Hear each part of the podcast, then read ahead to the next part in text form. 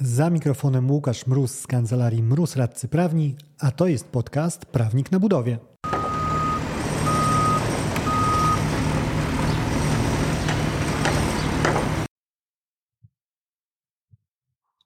Bierzemy na testy nowy format podcastowy. Taki format, który zakłada Wasz czynny udział, ponieważ dostajemy od Was pytania, a my dostajemy 3 minuty, żeby udzielić na, na te pytania odpowiedzi. Na pierwszy ogień odcinek stricte podwykonawczy. Za mikrofonem Łukasz Mróz, a to jest podcast Prawnik na budowie.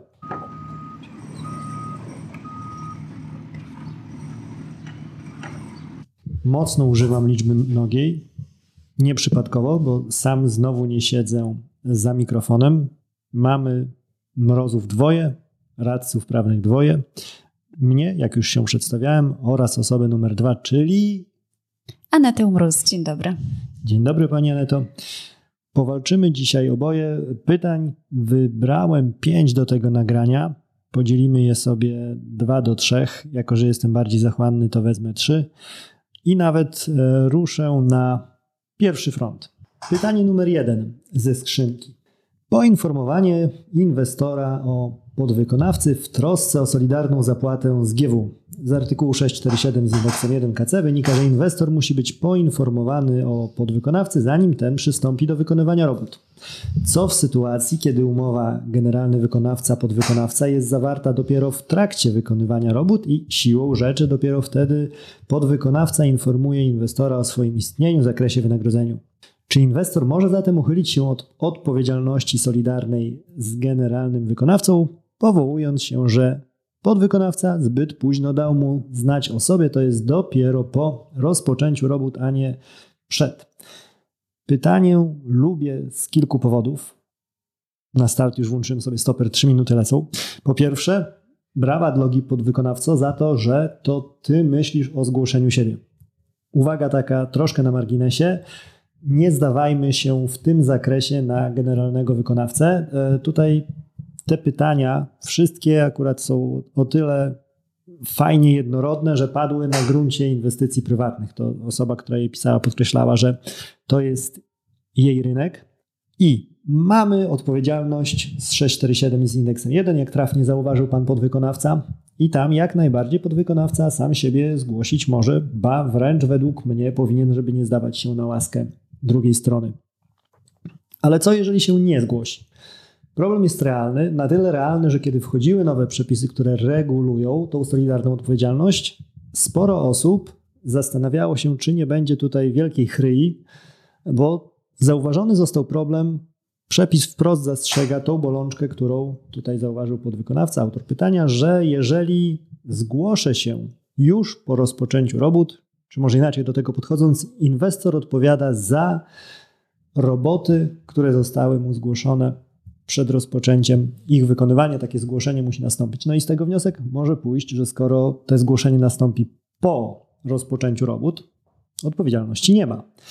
Dotkliwość dla podwykonawcy byłaby ogromna z tego tytułu, korzyść dla inwestora równie duża. Szczęśliwie poszło to wszystko, no, może dużo powiedzieć, poszło, ale jest już pierwsze orzeczenie takie publicznie dostępne Sądu Apelacyjnego w Szczecinie, który przychylił się do tego, że tym, co ryzykuje podwykonawca, nie zgłaszając się w terminie, jest fakt, że będzie niższa stopa odpowiedzialności. Po prostu inwestor będzie odpowiadał tylko za te roboty, za wynagrodzenie za te prace, które zostały dokonane już po zgłoszeniu. Alternatywą, co ciekawe w tej sprawie właśnie, o której mówię, Sądu Apelacyjnego w Szczecinie, Sąd Okręgowy właśnie poszedł w tą bolesną dla podwykonawców alternatywę, która no, literalnie z przepisu, tak na dobrą sprawę też da się wyczytać, czyli albo jest odpowiedzialność, albo nie ma. Albo zgłosiłeś się przed przystąpieniem do wykonywania robót i wtedy odpowiada inwestor, albo się nie zgłosiłeś przed przystąpieniem do robót i wtedy inwestor nie odpowiada. No bolączka ogromna, bo przez jedną wbitą łopatę może popłynąć odpowiedzialność na kilka milionów złotych chociażby. Także suma summarum, ja od początku nawet popełniłem taką myśl w artykule gdzieś chyba w kwartalniku Prawo Budowlane, że tak to powinno być stosowane, bo inaczej to ani nie ma potrzeby tak naprawdę dla zabezpieczenia inwestora, a bolesność dla podwykonawcy ogromna jest. Także podwykonawco, zgłaszaj się zanim zaczniesz pracować, a jeżeli się nie zgłosisz, no to ja trzymam się tego, mam na podparcie sąd apelacyjny w Szczecinie, że w takim przypadku wypada ci od, ze skarbonki inwestora ochrona za te roboty, które były wykonane przed zgłoszeniem. Trzy minuty, ciach, przejechałem troszkę, e, pięć sekund dosłownie, także niezły całkiem wynik. Dobra, mamy zakończone pytanie otwarcia. To teraz, Aneto, przechodzimy z piłeczką na Twoją stronę. Co Ty masz? E, kolejne pytanie dotyczy dalszych podwykonawców. E, I pan tutaj wskazał na e, taką sytuację, że bardzo często w umowach pomiędzy generalnym wykonawcą a podwykonawcą jest zawierane takie standardowe postanowienie, że do zaangażowania dalszych podwykonawców jest wymagana zgoda generalnego wykonawcy. Tylko taki dalszy podwykonawca nie jest w umowach definiowany. Kim zatem według wypracowanej praktyki jest ten dalszy podwykonawca? E, ja bym e, zdefiniowała tego dalszego wykonawcę w sposób e, analogiczny właściwie do definicji podwykonawcy, jaka to definicja jest zawarta w umowie właśnie pomiędzy generalnym wykonawcą a wykonawcą, a podwykonawcą. I przenosząc to na język polski, to tak jak w umowie w relacji generalny a podwykonawca jest traktowany podwykonawca, w taki sam sposób e, traktowałabym wszystkie podmioty zatrudniane przez takiego podwykonawcę i właśnie te podmioty w kontekście umowy, treści umowy z generalnym wykonawcą traktowałabym jako e, dalszego podwykonawcę. Z tą różnicą, że oprócz tego, bo jakby zawsze e, te zgłaszanie, tak, umowa reguluje obowiązek zgłaszania e, podmioty, tak jak tutaj, tak, w relacji generalny wykonawca, podwykonawca, to tutaj wchodzi więcej podmiotów, do których mm, ten dalszy podwykonawca winien być zgłoszony, tak? Tutaj z tą róż, różnicą jeszcze taką, że pomimo e, relacji dalszy podwykonawca, podwykonawca, tak? To jeszcze powinien ten dalszy podwykonawca zostać zgłoszony do generalnego, bo on musi wyrazić na to zgodę e, i najlepiej oczywiście do inwestora. Okej, okay. ja ze swojej strony e, dorzuciłbym do tego, żeby popatrzeć po pierwsze, czy to jest podmiot zewnętrzny, w stosunku do nas. Bo wiadomym jest, że no, pracowników swoich nie będziemy tam pchać, pana Stanisława, pana Kazimierza i pani Krystyny, jako podwykonawców działających prężnie, ale już podmiot, który współpracuje z nami na zasadach B2B, no to jak najbardziej wypadałoby pokazać. I druga rzecz, mamy już jakby tą część podmiotową, nazwijmy to prawniczo, czyli z kim gramy, a druga rzecz to przedmiotowa, w co gramy. Czyli jeżeli mamy e, gościa, gościówę, którzy pracują, to czy to, co robią, to jest część inwestycji, którą realizujemy, część tego zamierzenia inwestycyjnego projektu jako e, całości. I z tych dwóch takich pytań wstępnych plus elementy, o których mówiłaś, pewnie wyłoni się już ten obraz właściwej odpowiedzi. Ok, idąc dalej. E, cóż może przypaść mnie? Mm, czy warunkiem niezbędnym umowy o roboty budowlane jest wyznaczenie kierownika robót? I odpowiadając krótko, nie. Troszkę się czasami e, oburza część inżynierska na takie po macoszemu traktowanie prawa budowlanego przez sądy, prawa budowlanego w sensie ustawy prawo budowlane. Ale prawda jest taka, że w tym macoszeniu jest sporo sensu, ponieważ cóż, kodeks cywilny to regulacja, cóż mnie jako podwykonawcę, dajmy na to w tym kontekście, o którym rozmawiamy dzisiaj, generalnego wykonawcę wiąże, interesuje i tak dalej. I jak wygląda nasz kontrakt, jak wyglądają nasze stosunki cywilne, a prawo budowlane to jest wszystko to, co bardziej administracyjnie jest interesujące i bardziej organa różnorakie może zaintrygować. I w tym kontekście kierownicy, jacykolwiek, czy to jest kierownik robót, czy kierownik budowy nawet, to są ludzie, których w kodeksie cywilnym w przepisach dotyczących umowy o roboty budowlane nie znajdziemy. Ba, jako ciekawostkę mogę powiedzieć, że sądy nawet przyjmują bardzo rozsądnie zresztą, że nawet przekazanie dokumentacji projektowej nie jest elementem niezbędnym dlatego, żeby dojść do wniosku, że mamy do czynienia z umową o roboty budowlane. Także takie kierownictwo sformalizowane dla samego faktu stwierdzenia przeze mnie, przez Anetę czy przez jakiegokolwiek innego prawnika, że strony się umówiły na umowę o roboty budowlane, większego znaczenia, szczerze mówiąc, czy może inaczej, bardziej precyzyjnie, decydującego znaczenia mieć nie będzie może mieć natomiast znaczenie, jeżeli się kłócimy o to, czy mamy zawartą umowę o dzieło, czy umowę o roboty budowlane, bo stronie może zależeć na jednej bądź drugiej z różnych względów, takich jak przedawnienie, czy przepisy stosowane do jednego bądź drugiego kontraktu. Wtedy możemy wskazywać, że zobaczcie Państwo, mieliśmy kierownika robót chociażby, czy kierownika budowy, więc taką sformalizowaną osobę na placu budowy, z naszej strony, to pokazuje, że podlegaliśmy regułom właśnie prawa budowlanego, tej sferze administracyjnej, a to z kolei jest podkreślane w orzecznictwie jako element istotny w ocenie tego, czy mamy umowę o roboty budowlane, czy nie. Czyli podsumowując, nie jest to człowiek, bez którego nie da się zawrzeć umowy o roboty budowlane i nie byłby to najważniejszy jakiś tam nie byłyby to najważniejsze personalia, za którymi rozglądałbym się, żeby ustalić, czy mamy roboty budowlane, czy nie, ale jako jakiś tam kamyczek do ogródka przydać się może. A propos kamyczków w ogródku, no to teraz kamyczek z ogródka Twojego, Aneto, czyli Twoje drugie pytanie. Kolejnym pytaniem jest kwestia mm, infrastruktury podziemnej. E, kogo obciąża obowiązek ustalenia, czy na terenie planowanego wykopu jest jakaś infrastruktura podziemna, a zatem kto poniesie odpowiedzialność, że się taką infrastrukturę uszkodzi? Czy jest to sprawa inwestora, generalnego wykonawcy, czy poszczególnych podwykonawców? E, odpowiedź na to pytanie nie jest bardzo jednoznaczna, natomiast zacznę od tego, że E, oczywiście najlepiej i najłatwiej jest uregulowanie wcześniej przed rozpoczęciem, przed rozpoczęciem prac, oczywiście e, takiego obowiązku w umowie, tak? czyli wska wskazanie, który z podmiotów miałby być odpowiedzialny za dostarczenie mapy, tak, w której byłyby zinwentaryzowane mm, wszystkie instalacje podziemne. E, I wtedy sytuacja e, wydaje się trochę prostsza, mm, natomiast komplikuje się w sytuacji, kiedy jakaś e, instalacja, bo nie wszystkie widać, tak?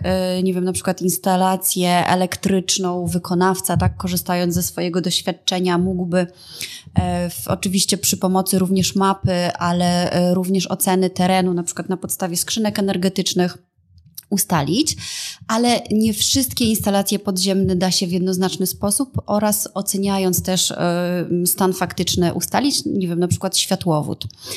E, I w sytuacji, kiedy dojdzie do uszkodzenia instalacji podziemnej, która nie została zinwentaryzowana na żadnym z dokumentów, to wtedy tak naprawdę powstaje wątpliwość, kto ponosi odpowiedzialność za zniszczenie mm, takiej instalacji, gdyż niejednokrotnie koszty naprawy E, nie wiem, czasami jednego kabla, są bardzo wysokie. I w takiej sprawie wypowiedział się e, jeden z sądów, który stanął w obronie wykonawcy i stwierdził, że w sytuacji, jeżeli e, instalacja taka nie była zinwentaryzowana w żadnym z dokumentów, mało tego, jeżeli inwestor nawet nie miał wiedzy, że na terenie taka instalacja przebiega, to sąd uznał, że wykonawca jest zwolniony z odpowiedzialności za usunięcie kosztów naprawy.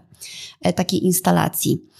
E, natomiast w kontekście tutaj jeszcze padło pytanie, czy jest to sprawa inwestora, generalnego wykonawcy, czy poszczególnych podwykonawców, e, to też warto tutaj dodać, że generalny wykonawca jednak jakby nie powinien być zainteresowany, żeby przerzucać tą odpowiedzialność na podwykonawców, dlatego że pamiętajmy o tym, że zawsze to generalny wykonawca jest, że tak powiem, w pierwszej linii odpowiedzialności i nawet jeżeli instalacja zostanie naruszona przez jego podwykonawcę, a ostatecznie obowiązek y, ten będzie spoczywał i tak na wykonawcy, no to generalny wykonawca będzie w pierwszej kolejności odpowiadał i ponosił koszty ewentualnego y, usunięcia tych y, zniszczeń. OK, mamy dobrą passę wyrabiania się w tych trzyminutowych okienkach. Przyznam, że to najbardziej był element, który mnie zastanawiał, na ile zamiłowanie do szerokich wypowiedzi zawodowych pozwoli na mieszczenie się, ale na razie wciskamy się jak do samochodu Hyundai i20 na naszych wczasach wyjazdowych, rodzinnych, kiedy pod górkę trzeba było redukować do dwójki. To ja skończę. E, skończę takim pytaniem. Co w sytuacji, gdy mam umówiony ryczałt z generalnym wykonawcą, a pracę kończę przed umówionym terminem? Ściślej okazuje się, że wody było znacznie mniej do wypompowania niż obie strony zakładały przed przystąpieniem do wykonywania umowy. Generalny wykonawca twierdzi, że skoro podwykonawca skończył pracę wcześniej niż zakładaliśmy w umowie, to on proporcjonalnie zmniejsza mi wynagrodzenie. I tutaj ładnie wpisuje mi się to, co przed chwilą powiedziała Aneta, bo ja też tutaj muszę zabrnąć, chcąc, nie chcąc, w strony kontraktu i ustalić, na co myśmy się tak naprawdę umawiali i co tak naprawdę było objęte tym naszym wynagrodzeniem ryczałtowym, czyli co było tym rezultatem, który miał sztywną kwotę fixed price, jak to czasami mawia się w amerykańskich inwestycjach. I tutaj odpowiedzi jednoznacznej nie będzie. To, co mogę nadmienić, żeby miało to jakąś wartość dla osób, e, które słuchają nas, to to, że nawet przy podkreślaniu wielokrotnym słowa ryczałt w umowie może się okazać, że sąd, który będzie analizował taki kontrakt, dojdzie do wniosku, że wcale ryczałt to nie był. W jednym z ostatnich odcinków podcastu mówiłem właśnie o wynagrodzeniu mieszanym, kosztorysowo-ryczałtowym. Ono troszkę się tutaj podpisuje, bo może się okazać w tym przypadku, wchodząc w te wypompowywanie, że w wyniku analizy sąd doszedłby do wniosku, że zryczałtowaną kwotą to była objęta dana jednostka, którą przyjęliśmy sobie dla rozliczenia czy to był jakiś metr sześcienny tej wody, czy metr sześcienny wykopu do wypompowania, dzień pracy, ilość tam roboczo godzina, jakakolwiek inna miara. I że to była sztywna cena, ryczałtowa, ryczałtowa jednostka powiedzmy, a wynik wynagrodzenia to już był konkretny rezultat prostej, prostej matematyki, czyli ilość wykonanej pracy razy przyjęta stawka. A może dojdzie do wniosku, że tak na dobrą sprawę myśmy się umówili o ryczałtowo, o wypompowywanie wody, czy wypompowanie wody z zbiorników na inwestycji jakiejś drogowej, które są tworzone i gdzieś tam może napadać nam w międzyczasie. No i w takim przypadku tutaj rację miałby podwykonawca w tym układzie, no bo cóż z tego, że ja skończyłem wcześniej niż zakładałem, skoro wypompowane być miało, wypompowane zostało, to co najwyżej za to możesz mi przybić piątkę, poklepać po ramieniu i jeszcze chłopakom dać do przekazania sześciopak piwa, a nie będziesz mnie jeszcze za to sankcjonował, drogi generalny wykonawco, niższym wynagrodzeniem. Także tutaj takie prawnicze to zależy musiało pojawić się także w tym nagraniu. No i się pojawiło i na, na tym prawniczym e, to zależy. Zakończmy. Tyle z pięciu pytań, które wybrałem do tego odcinka. Mnie osobiście ta forma e, całkiem odpowiada. Aneto, ty masz jakieś przemyślenia, preferencje co do tej formy? Podoba ci się? E, tak, jak najbardziej. Są to praktyczne mm, problemy, które, na które Państwo natrafiacie na budowę i bardzo chętnie będziemy mm, próbować pomóc w tych praktycznych problemach. Także no, z mojej strony też jest plus, bo nie muszę wymyślać sobie materiałów, tylko dostaję je od Was. Więc kontynuować tę tendencję możemy. Jaki temat? Może nawet nie skupiając się na jakiejś kon konkretnej tematyce, jeżeli słuchasz tego nagrania, możesz podrzucić e, propozycję, czy to w mediach społecznościowych, jeżeli gdzieś mnie tam widzisz na Facebooku i na Instagramie jako prawnik na budowie, na LinkedIn Łukasz Mróz, e, czy też bardziej klasycznie na przykład na biuro małpa kancelaria mroz.pl. My chronicznie będziemy je zbierać i chronicznie do mikrofonów siadać będziemy, by żyło się i budowało lepiej. Dzięki, Aneto. Dziękujemy bardzo. Dzięki za odsłuchanie tego odcinka. Jeżeli chcesz się ze mną skontaktować, możesz napisać na biuro małpa kancelariamroz.pl albo zadzwonić na 577 665 077. Znajdziesz mnie też w mediach społecznościowych.